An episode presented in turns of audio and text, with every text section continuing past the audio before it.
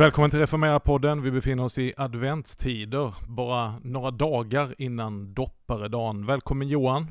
Tack Marcus, nu sitter vi här igen och Nu- vi har en mycket speciell gäst med oss. En tungviktare skulle jag säga idag. Ja, en riktig tungviktare vi fått på kroken. Jonas Ek, präst och teologie doktor i religionspsykologi.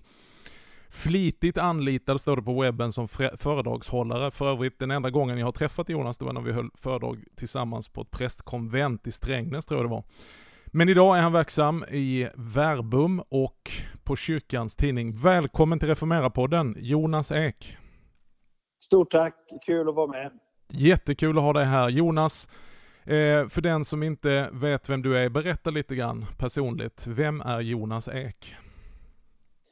Jag är född eh, i Göteborg och boendes i Göteborg men då sedan ganska många år tillbaka verksam i Stockholm. Så jag är en veckopendlare som åker mycket tåg när det inte är corona. Jag har min bakgrund som församlingspräst och stiftspräst här i Göteborg men har varit på Verbum i lite olika funktioner i snart, snart åtta år faktiskt. Och nu är jag på det som är Verbums största och ja, vår största utgivning och det är Kyrkans Tidning och där är jag sedan tre år opinionschef och skriver ledartexter varje vecka. Så Just bor jag i. Göteborg med min familj. Det kommer vi komma tillbaks till, dina ledartexter i kyrkans tidning. Och stiftsteolog var du på biskop Aurelius tid va? I Göteborgs stift. Ja, precis. Jag jobbar mycket med biskop Aurelius när han var här i Göteborg. Fint. Jag tillhör också, jag är dessutom den, jag bor så att jag bor närmast Biskopsgården som var Biskopsgården i Göteborg på den tiden. Så att jag var granne med, med Karl-Axel också så det gjorde sitt till tror jag. Det är du. Du, eh, du måste bara beskriva din stavning. E-E-K på ek. Var, var kommer det ifrån? Du, eh, det kommer sig nog av att eh, Ek är ett väldigt kort namn. Så man gör vad man kan för att förlänga det lite grann. Så jag har ju, min pappa heter dessutom Bo Ek och det blev ju oerhört kort. Eh, Så, att, så jag tror att det var han, min, farmor och farfar som tog upp en gammal historisk stavning med ett extra E. Så att det är nygammalt kan man säga. Jag trodde det var göteborgskan liksom. Ek. Ja, men det, det är ganska kul. Därför att när man träffar engelskspråkiga så ik är tydligen sånt där cartoon-uttryck där. När nå- typ som flämt. Eh, Jaha. när vi läser serier. Så att ik är lite kul tycker de utomlands. Ja, spännande. Du Jonas, vi ska kasta oss in i dagens podd och samtala om det vi brukar kalla för helkyrklighet och kyrkans utmaningar och möjligheter och eh, vi ska tala om Svenska kyrkan. EFS är ju en missions och väckelserörelse, inomkyrklig sådan, i Svenska kyrkan.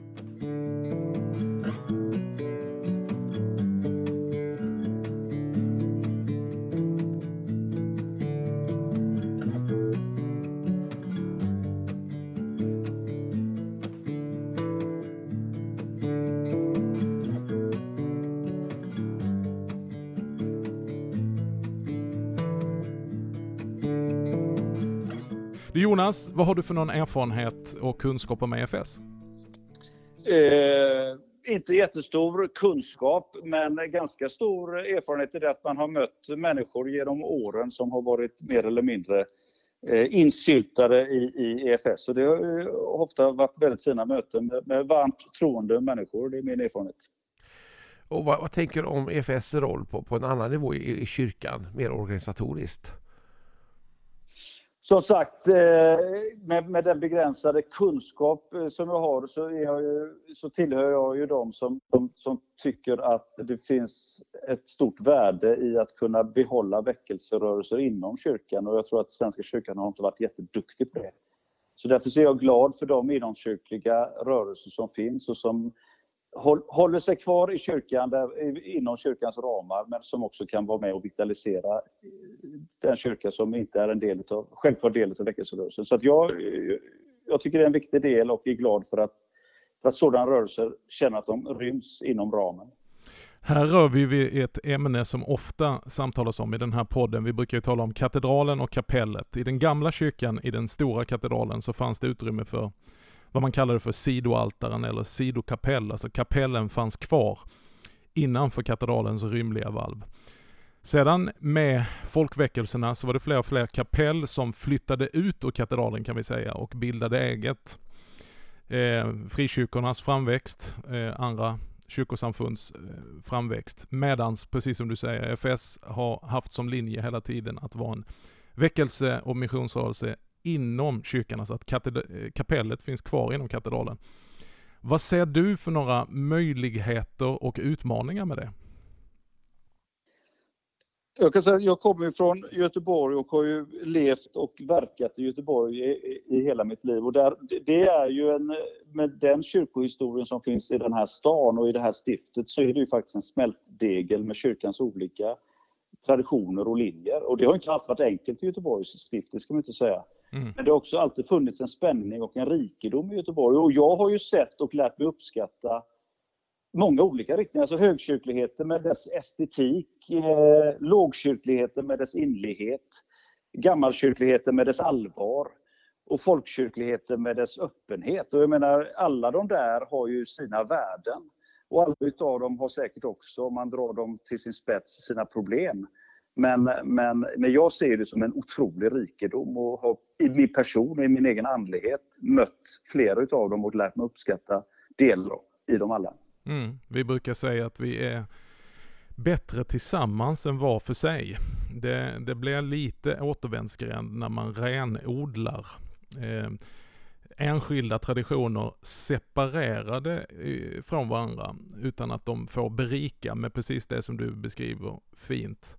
Ser du några goda exempel på det? Förutom Göteborgs stift. Har du något sånt här exempel eller erfarenhet när det kan bli en, eh, förstå uttrycket rätt, en hybrid av kyrkligheter?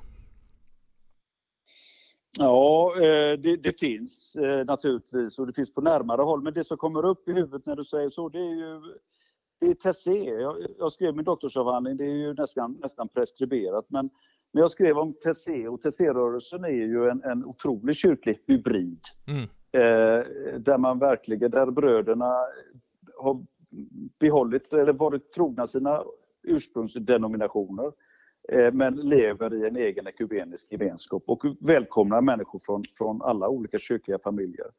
Och så möts man kring de här gudstjänsterna och man möts kring sångerna och delandet och bönerna och ljuständningen och man möts i bibelgrupperna för att sen sändas hem igen till sitt sammanhang och vitalisera det och, och, och, och vara en del av det och vara trogen med den här nya inspirationen man fått. Så det är ett fantastiskt exempel och det finns naturligtvis sådana exempel också i Sverige. Men, men det kom upp när du frågade mig. Ja. Jag tänker när vi pratar om att det finns en gradskillnad. Vi pratar om gammelkyrklighet och folkkyrklighet och högkyrklighet. Och jag tycker som skiljer FS mycket är att vi är organiserade. Alltså vi, vi, vi är som en katolsk orden brukar vi säga ibland inom Svenska kyrkan. Den enda orden att vi har en, vi har en missionsföreståndare, vi har egna regionala ledare. Vi har präster som är vigda för tjänst i EFS. Liknar väldigt mycket katolska orden. Och, och, det skiljer oss från de andra riktningarna som du nämnde, högkyrkligheten som inte har den organisationen riktigt. Borde fler rörelser organisera sig bättre i Svenska kyrkan? Och kanske. Eh, jag vet inte. Eh, organisation är ju är ju bra såsom att, att ge stadga och ge infrastruktur och ge långsiktighet. Samtidigt så är det är ju liksom, det, Svenska kyrkan behöver inte fler strukturer och fler organisationer om man uttrycker sig försiktigt. Eh, eh så att jag tror att eh, kanske saken eller eh, rörelserna vinner på att, på att hitta fastare strukturer. Samtidigt så måste kyrkan generellt passa sig för att bygga in sig allt för mycket sub strukturer. Vi har nog med de ordinarie.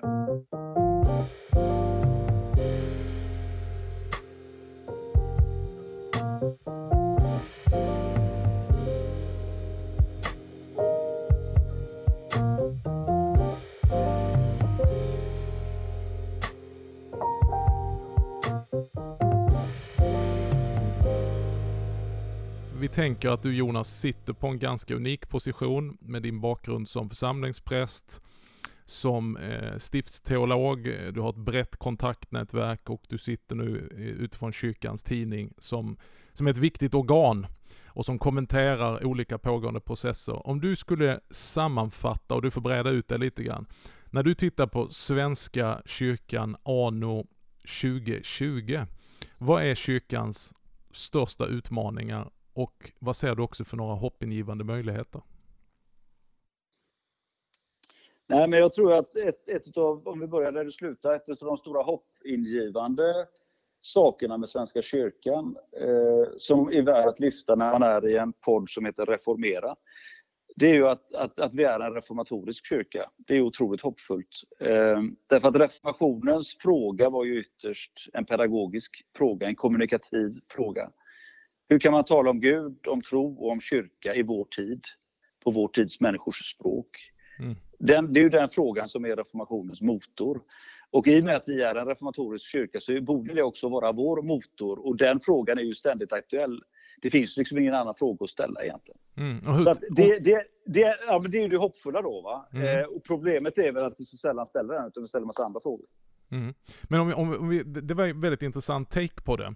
Om du, om du tar det utifrån det pedagogiska och kommunikativa, hur tycker du att vi lyckas med det? Ja, men det, det är ju verkligen sådär. Eh, och jag, jag vet ju, eh, både utifrån min nuvarande position men också utifrån vad jag har gjort innan, att på många håll lyckas man väldigt, väldigt väl. Eh, det sker ju fantastiska saker runt om i lokala sammanhang och i, i personliga möten varje dag runt om i Svenska kyrkans olika sammanhang.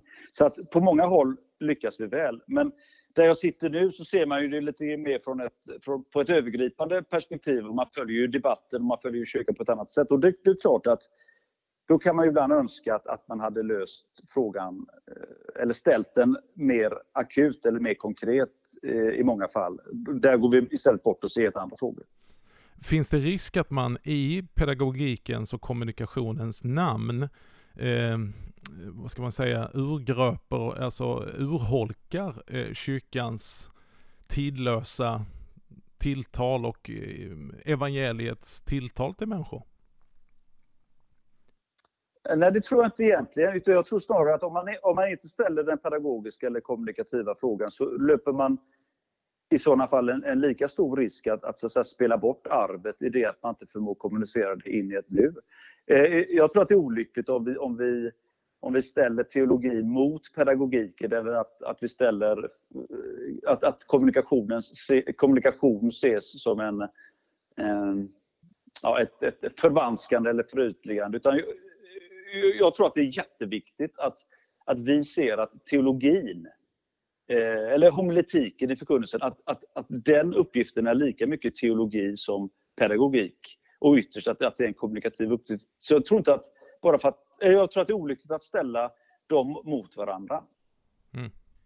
Här, här, måste jag också styra om samtalet lite grann då när vi pratar och också nämnda ordet politik. För att det har ju hänt en del uppmärksammade saker i Svenska kyrkan, inte minst eh, det här, det du, det du har döpt till Härnösand Gate. Det var misstänkt att man myntat uttrycket. Och eh, mm. Där har du skrivit ett antal, tycker jag, väldigt uppmärksamma och väldigt, i mina ögon, väldigt bra ledare i kyrkans tidning. Men där har vi ytterligare en dimension i, politi i Svenska kyrkan, där politiken är onekligen närvarande i kyrkan och färgar den. Ja. På gott och ont. Och jag har reflekterat lite utifrån perspektiv så hade vi ju en situation med ett avklagningsärende uppe i Luleå stift och biskop Åsa som landade överklagande nämnden som ja, gick emot domkapitlets beslut och, och sen strax efter så kommer det här med biskop Eva i Härnösand som är ett rent, det handlar inte om kyrkans teologi utan det verkar vara en ren ordningsfråga i kyrkoordning och, och, och den är intressant för den renodlar på något sätt de här snittytorna i kyrkan på ett väldigt tydligt sätt. Och jag, det är intressant att höra dig kommentera bara det som hur du ser på biskop Evas situation. Ja, det är ju, har ju varit faktiskt högdramatiskt eh, och är man som eh, många som kanske lyssnar på den här podden, är man kyrkligt intresserad så har det ju faktiskt varit spännande på riktigt. Eh, och jag menar ju att det är en konstitutionell kris för Svenska kyrkan. Sen år 2000 när vi blev en fri kyrka så finns det ju många som återkommande har pratat om att politiseringen har ökat i kyrkan och att de förtroendevalda inflytande har, har, har ökat på bekostnad av ämbetet. Och vi har sett det bland annat i de ökade utköpen av kyrkoherdar lokalt runt om i Sverige. Och nu är frågan då, eskalerar den nivå i det att det är en biskop som ja, på ren svenska ska köpas ut? Det var ju det som var planen. Och det sätter ju hela frågan i, i ett nytt ljus, tycker jag och många med mig. Eh, och det, det är naturligtvis en konstitutionell kris om man tror och vill ha en episkopal kyrka. Vill man inte ha det, om man är då väldigt eh, långt från katedralen och väldigt långt in i kapellet om jag uttrycker mig så, eh, så man tycker att vi behöver ta en episkopal kyrka, då har vi ingen konstitutionell kris. Men om vi vill ha och värna den episkopala linjen, då har vi ett jätteproblem. Därför att eh, de förtroendevalda i Härnösand ämnar ju köpa ut biskop Eva utan skriftlig dokumentation och utan några sakskäl. Utan på helt grunder som Gud bara vet. Och det är naturligtvis inte förenligt med vår ordning. Ja, och det verkar också vara långt ifrån de ideologiska underströmningarna. För om jag får göra en spaning då, så tänker jag att det som hände i Luleå, där fanns det ju kanske ett stöd i politiken eh, för domkapitlets agerande initialt eh, mot den här utifrån vad som är. Och sen ser vi då på biskop Eva, hur hon har uttryckt sig och tagit ställning för saker och ting, så ligger hon ju helt i linje, tänker jag, politiskt med, med, med sina kyrkopolitiker egentligen. Men ändå mm. väljer man, hur säger, på helt outgrundliga grunder då, som då inte kan vara ideologiska, att markera mot henne så att man vill köpa ut henne. Och har du en reflektion kring den utvecklingen? Nej, men det är klart att alltså, det, detta är ju i någon mening ett personalärende med personliga eh, konflikter. Ja, det, det, är en gammal, eh, det, det, är gamla oförrätter och gamla eh, surdegar som, som nu har legat till sig och nu, nu har man tröttnat på det. Så tror jag att det är. Eh, men, men, men då har man ju inte tänkt sig på att detta är inte bara en arbetsplats utan det är dessutom en episkopal kyrka med bekännelsedokument. Och vi tror på en annan kyrka. Mm. Och då kan de där surdegarna ligga där, men man kan inte göra så här i alla fall. Du skriver så här en av dina ledare, Jonas, att nu måste alla gemensamt slåss för Svenska kyrkans episkopala ordning. Och att vi måste tydliggöra gränserna. Eh, så att vi inser vikten av båda linjerna och att de ges utrymme. Kan du utveckla det? Mm. Om du börjar med det här med ja, att vi ska slåss för Svenska kyrkans episkopala ordning. Vad lägger du i det? Ja, det, ja, det var ju väldigt dramatiskt uttryck. Har jag skrivit det? Ja. Ja, men det var bra skrivet. Ja, jag tyckte det var jättebra. Nej, men det, det, lät så, det lät så dramatiskt när du sa det. Men, nej, men, nej, men eh, som jag sa innan, att, att det är ju många som, som under de här 20 åren har sagt att, att den episkopala kyrkan har försvagats. Och, eh, och det är många som har sagt att så är det inte alls och det är ingen fara och sådär. Men, men nu, är ju, nu är ju problematiken i dagen. Och nu, vi som tror på och vill ha en episkopal kyrka måste då ta konsekvenserna av det. Mm. Och nu har ju också biskopsmötet tagit de konsekvenserna och sagt att vi måste ändra kyrkoordningen. Och nu gäller det för, för oss som tycker att det var bra sagt. Nu får vi ju lägga på vårt biskopsmöte så att inte frågan kallnar. Mm. Och eh, då, får vi, då blir det intressant att se om biskopsmötet stöter på patrull i kyrkostyrelse eller kyrkomöte på detta. Det blir ju oerhört intressant. Men gör de det, då får vi väl då börja slåss då eh, för den ordning som vi tror på. För man kan väl säga att det här är egentligen ett gammalt problem eh, som ändå har rätt många år på nacken som stiger till ytan.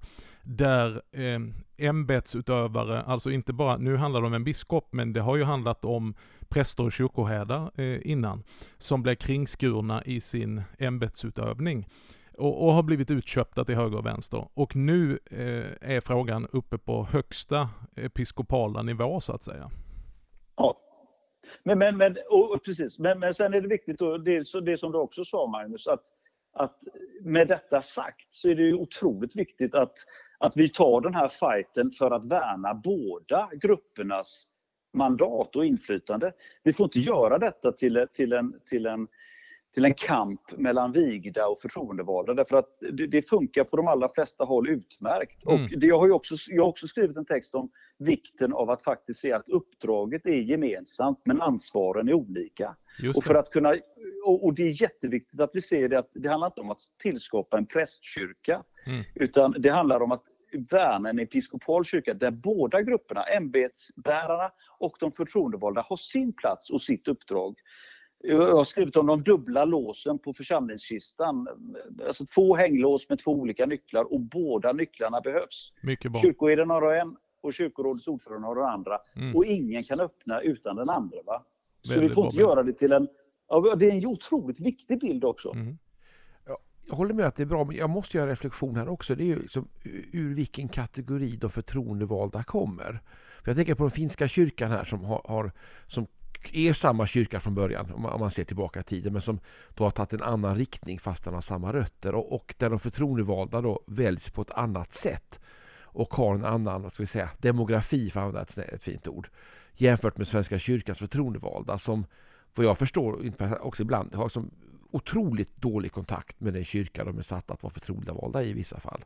Nej men, nej, men jag tror att, jag, jag känner inte till hur det är i finska kyrkan, men, men jag vet ju att jag, i debatten kring, eh, kring eh, nya kyrkoordningen 99-2000 där, så var ju frågan dels om prästernas anställning på bordet och det är ju den frågan vi diskuterar nu med utköpen av kyrkoherdar och biskopar. Att i det att man är anställd lokalt så möjliggörs de här utköpen. Hade man inte varit anställd lokalt så hade det varit löst. Och det var ju en fråga. Den andra frågan är just den du lyfter med de kyrkliga valen. Och där var ju biskopsmötet 99 emot de direkta valen. De ville ha indirekta val, men blev ju nedröstade av kyrkomötet. Eh, och det kanske, är nästa, det kanske är nästa stridsfråga. Om vi löser detta med ämbetsbärarnas anställning nu tack vare Härnösand Gate, så kanske nästa stridsfråga blir den om de indirekta valen. För det hade ju gett oss naturligtvis helt andra förtroendevalda. Ja, såklart. Och jag tänker också eh, eh, att, att det är politiska partier, det är väldigt uppenbart här i Härnösand att det är så, men hela kyrkomötet är präglat av partipolitik. Och ja. om man skulle få bort den enkla kopplingen. Ja, det vore väl något att be för.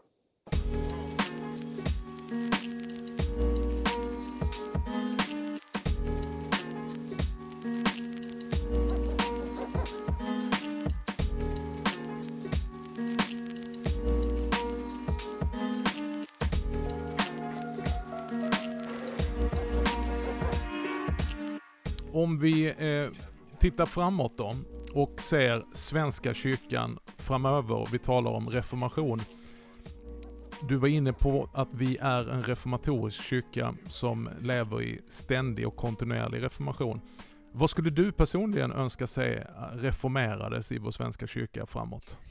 Jag tycker det finns ett fantastiskt lovvärt och hoppingivande eh, initiativ nu i detta som heter Programmet för lärande och undervisning. Mm. Där kyrkan har bestämt på nationell nivå eh, för en väldigt bred satsning och man har valt att inte kalla det projekt utan istället för ett program. Mm. Och det är någonting som inte ska ta slut eh, om fem år utan man pratar om 30-40 år och det har varit oerhört eh, stora ord om det och det har varit otroligt hoppgivande för oss som har drivit kyrkans pedagogiska frågor och möten med barn och unga, men inte bara utan också det livslånga lärandet. Mm. Det har varit väldigt så att säga, hoppfullt för oss som har drivit de frågorna länge. Mm. Eh, sen är det frågan var det då tar vägen, som alltid. Eh, det är alltid mer fart in i projekten eller programmen än vad det är under tiden eller ut ur dem. Men det är ju någonting som jag ser som hoppfullt och ett ämne som jag själv har ägnat mig mycket åt, att reformera kyrkans möte med barn och unga, mm. men också med deras familjer. Mm. Och det som särpräglar den traditionen vi står i, det är ju ordet i centrum och predikans roll och undervisning. Behöver vi komma in i en, en undervisningsrevolution, höll jag på att säga, men, men eh, behöver vi liksom lyfta fram detta? Ja, det är egentligen det du säger, men hur behöver vi lyfta fram detta? Vi lever idag i en tid där vi länge har tagit för givet att svensken är kristen och vet vad det innebär och så har vi insett att svensken kanske inte har fått en rimlig chans att veta vad det innebär att jag är döpt. Hur, vilka knappar behöver vi trycka på? Vilka insatser behöver göras? Ja, detta är ju, det här, här finns ju hur mycket som helst att, att, äh, att prata om och att ösa ur. Men, men om, man, om vi försöker bara sortera lite grann så tror jag ju att eh, det unika för Svenska kyrkan, det handlar ju om att väldigt många av dem du nu beskriver är ju dessutom medlemmar i Svenska kyrkan. Mm. Eh, det är ju det som är, alltså, och då pratar vi om att alltså hälften av de som är med, långt över hälften av de som är medlemmar i kyrkan går ju aldrig till en kyrka går ju aldrig till en gudstjänst till exempel. Och, och, typ hälften av de som är medlemmar i kyrkan upplever ju en obefintlig relation till den kyrka som de är med i. Mm. Eh, och, det, och det, det, är ju det som gör Svenska kyrkans läge så paradoxalt i någon mening. Så mm. att jag tror att en viktig fråga att börja i det är ju hur vårdar vi de medlemmar vi har? Mm. Vi pratar ju väldigt mycket om de som träder ur och vi pratar mycket om rekrytering och det är väl bra att vi gör det. Men den stora medlemsrekryterande frågan det är ju frågan om medlemsvård. Hur tar vi hand om de som redan är medlemmar? Hur möter vi de som får ett barn? Hur kommunicerar vi med den som närmar sig konfirmation? Hur vänder vi oss till människor mitt i livet? Hur tar vi oss an äldreomsorgen och sådär? Så vi, vi har ju enormt mycket kapital i form av pengar, personer, rum och relationer och förtroende. Och den stora frågan är ju hur förvaltar vi allt det kapitalet vi har i vården av de som faktiskt redan är medlemmar i kyrkan? Mm, ja, möjligheterna är oändliga. Eh, oändliga. Vi vet ju att det finns vissa, eh, jag har själv varit med och föreläst i vissa sammanhang där man säger att oj oj oj vad ska vi göra? Vi, numera döper vi inte mer än 50% av barnen. Jag med frikyrklig bakgrund, jag säger ju så, alltså problemet är inte de 50% vi inte döper, utan att döpa 50% det är ju gigantiskt. Så frågan är, vad gör vi med de 50 procenten som vi redan döper?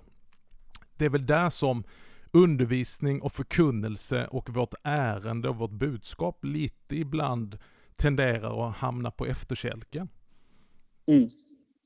Jag tror att du har rätt i det. Och jag tror ju då att hade vi gjort mer och lyckats mer där så hade kanske så att säga också de där 50 procenten som vi inte döper kunnat bli nyfikna och intresserade. Och så ska, jag tror att det hade skapat ringar på vattnet också för de som vi inte möter idag.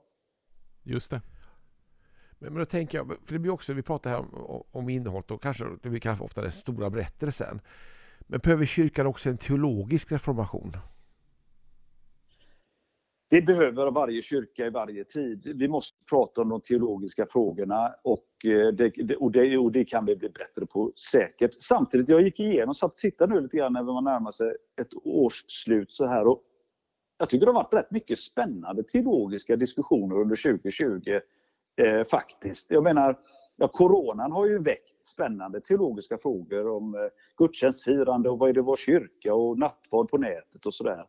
Eh, sen har ju Härnösand Gate väckt spännande teologiska frågor om kyrkosyn och ämbete. Mm. Eh, och innan, och vi hade faktiskt till kyrkomötet, hade vi spännande, det var ett förslag till obligatorium för ett administrativt system på nationell nivå som också ställde spännande frågor om församlingarnas självstyre och självständighet. Och innan corona, för den som minns världen hur den var då, då skrev då, ja, men då skrev faktiskt våra biskopar ett biskopsbrev om nattvarden. Och det mm. blev en jätteteologisk diskussion om, om reservata och vad vi gör med det överblivna mm. och om koncelebration och grejer. Så jag tror att vi behöver alltid diskutera teologi. Inte bara för att det är roligt utan för att det är livsviktigt i en kyrka. Men jag är inte säker på att vi är så himla dåliga på att prata om det som vi ibland tror att vi är. För jag gör en reflektion även när vi pratar nu, där jag som lekman och tänker ibland, vad, vad är kärnan i allt detta? Ja, det beror på vilken fråga du menar. Men, ja. men, eh, men vad, kärnan i den teologiska reflektionen per se, ja. det är ju att, man, att vi som kyrka erbjuder verktyg och erbjuder rum där man intellektuellt kan reflektera över sin tro. Eh, det är teologi för mig. Att på något sätt intellektuellt reflektera över det som är trons erfarenhet, trons eh, realitet, trons aning. Att få ett samtal, att få språk, att få begrepp, att få rum. Att samtala kring det, det är för mig teologi. Mm. Jag, jag tänker från EFS-perspektivet då, som vi är då, vi kallar oss ibland missionsrörelse, men ofta också en Jesusrörelse använder vi ibland i Svenska kyrkan. Mm. Och jag, jag, tänker när vi pratar nu, för, för mig blir det ett väldigt tydligt centrum av Jesus Kristus, så som korsfäst, evangelium. Mm. Och att ibland det centrumet som vi på något sätt tappar lite grann, det blir dimmigt på något sätt. Det blir många saker som handlar om det men som ändå ligger i dess periferi som vi lägger fokus på. Absolut. Men, men är det inte så, eh, det har jag lärt mig av Per-Erik Persson i Lund, som var, han var professor där. Jag har lärt mig av honom att, att kyrkans grundläggande erfarenhet, det är följande. Det går inte att tala om Gud utan att berätta om Jesus. Mm. Och det går inte att berätta om Jesus utan att tala om Gud. Mm. Det, det, är kyrkans grundläggande erfarenhet och ibland så kan den bli så inom citationstecken självklar för oss. Så att vi är dåliga på att faktiskt benämna den.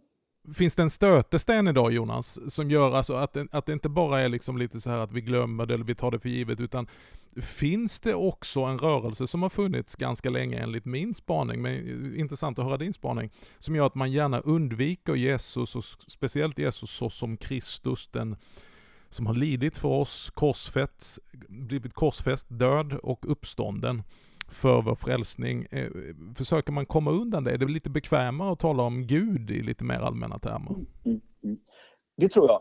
Eh, och jag, och jag, jag, jag, tror att Kristus är en stötesten och det eh, har vi väl dessutom skriftliga belägg på, har vi inte det? Så det, där är vi ju på safe ground. Men, men, men, men jag tror framför allt att att det är en, eh, eller framförallt ska jag inte säga, jag tror att det inte minst är en kommunikativ utmaning. Mm. Det är svårt att tala, det är svårt att förkunna, det är svårt att undervisa om Jesus så som Kristus mm. som har dött för oss. Och så, därför att det är, så mycket, det är så mycket gamla bilder som är sanna för oss, men de är svåra att ta till sig för någon utifrån. Och hur översätter vi dem då?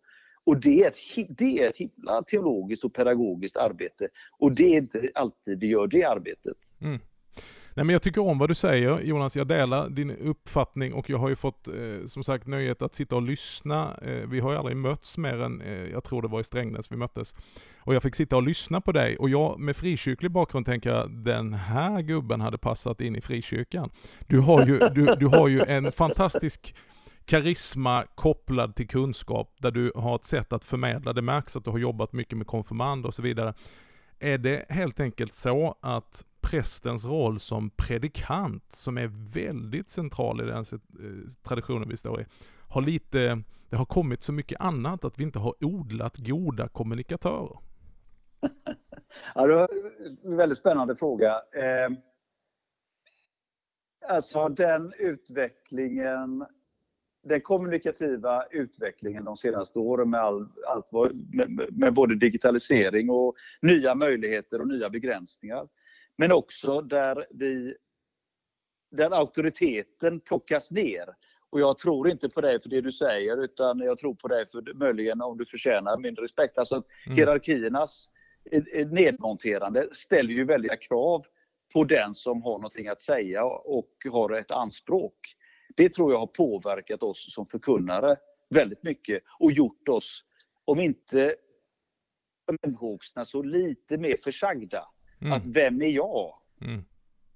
Vem är jag? Så att jag tror att vi, jag har skrivit det någonstans också, att, att Svenska kyrkans största utmaning är kommunikativ. Mm. Och det gäller på flera plan. Och det gäller också det du säger nu, att vi behöver nog utbilda oss så som kommunikatörer, det tror jag. Mm.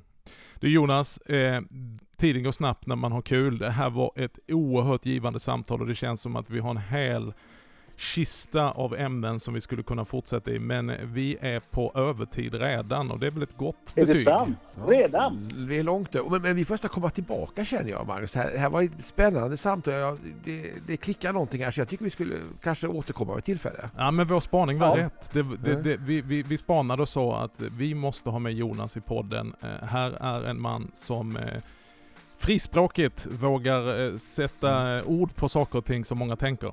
Bra gjort, bra spanat utav er tycker jag. Jag är jätteglad att det ringde, så ring snart igen. Ja, ja men vi, vi får väl få dig att utlova att du kommer tillbaka till en del två eh, snart här igen. Och kanske när vi också ser hur det landar i Härnösand. Den gaten måste ju få sin upplösning också. Det, det är väl jättebra. Då blir det inte så långt heller tills vi ses igen. Eller hörs igen. Jonas, vi uppskattar dig. Tack för din eh, penna som skickligt formulerar och både ställer frågor och eh, skickar iväg utmaningar till vår älskade kyrka. Eh, Gud välsigne dig och vi önskar dig också en god jul vad det lider. Tack och detsamma. Tack. Tack Jonas. Du har lyssnat till ytterligare ett avsnitt av Reformera-podden. Vi är tillbaka i dina hörlurar eller i din högtalare nästa vecka och det börjar lida mot jul. Eh, om du vill besöka oss under tiden och inte kan stå ut med att vänta på oss så finns vi på sociala medier, re kolon formera och du kan läsa artiklar på reformera.net. Ta det lugnt ljusstressen. Gud välsigne dig.